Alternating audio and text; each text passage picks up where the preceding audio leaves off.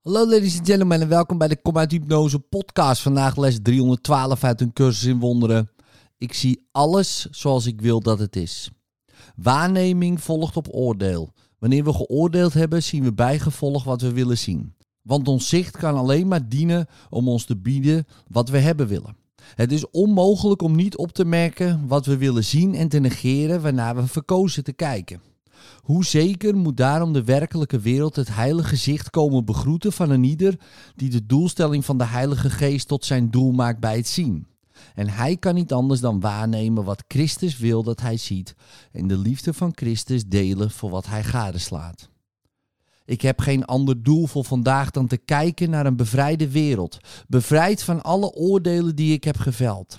Vader, dit is uw wil voor mij vandaag en daarom is het vanzelfsprekend ook mijn doel. In liefde, tot morgen.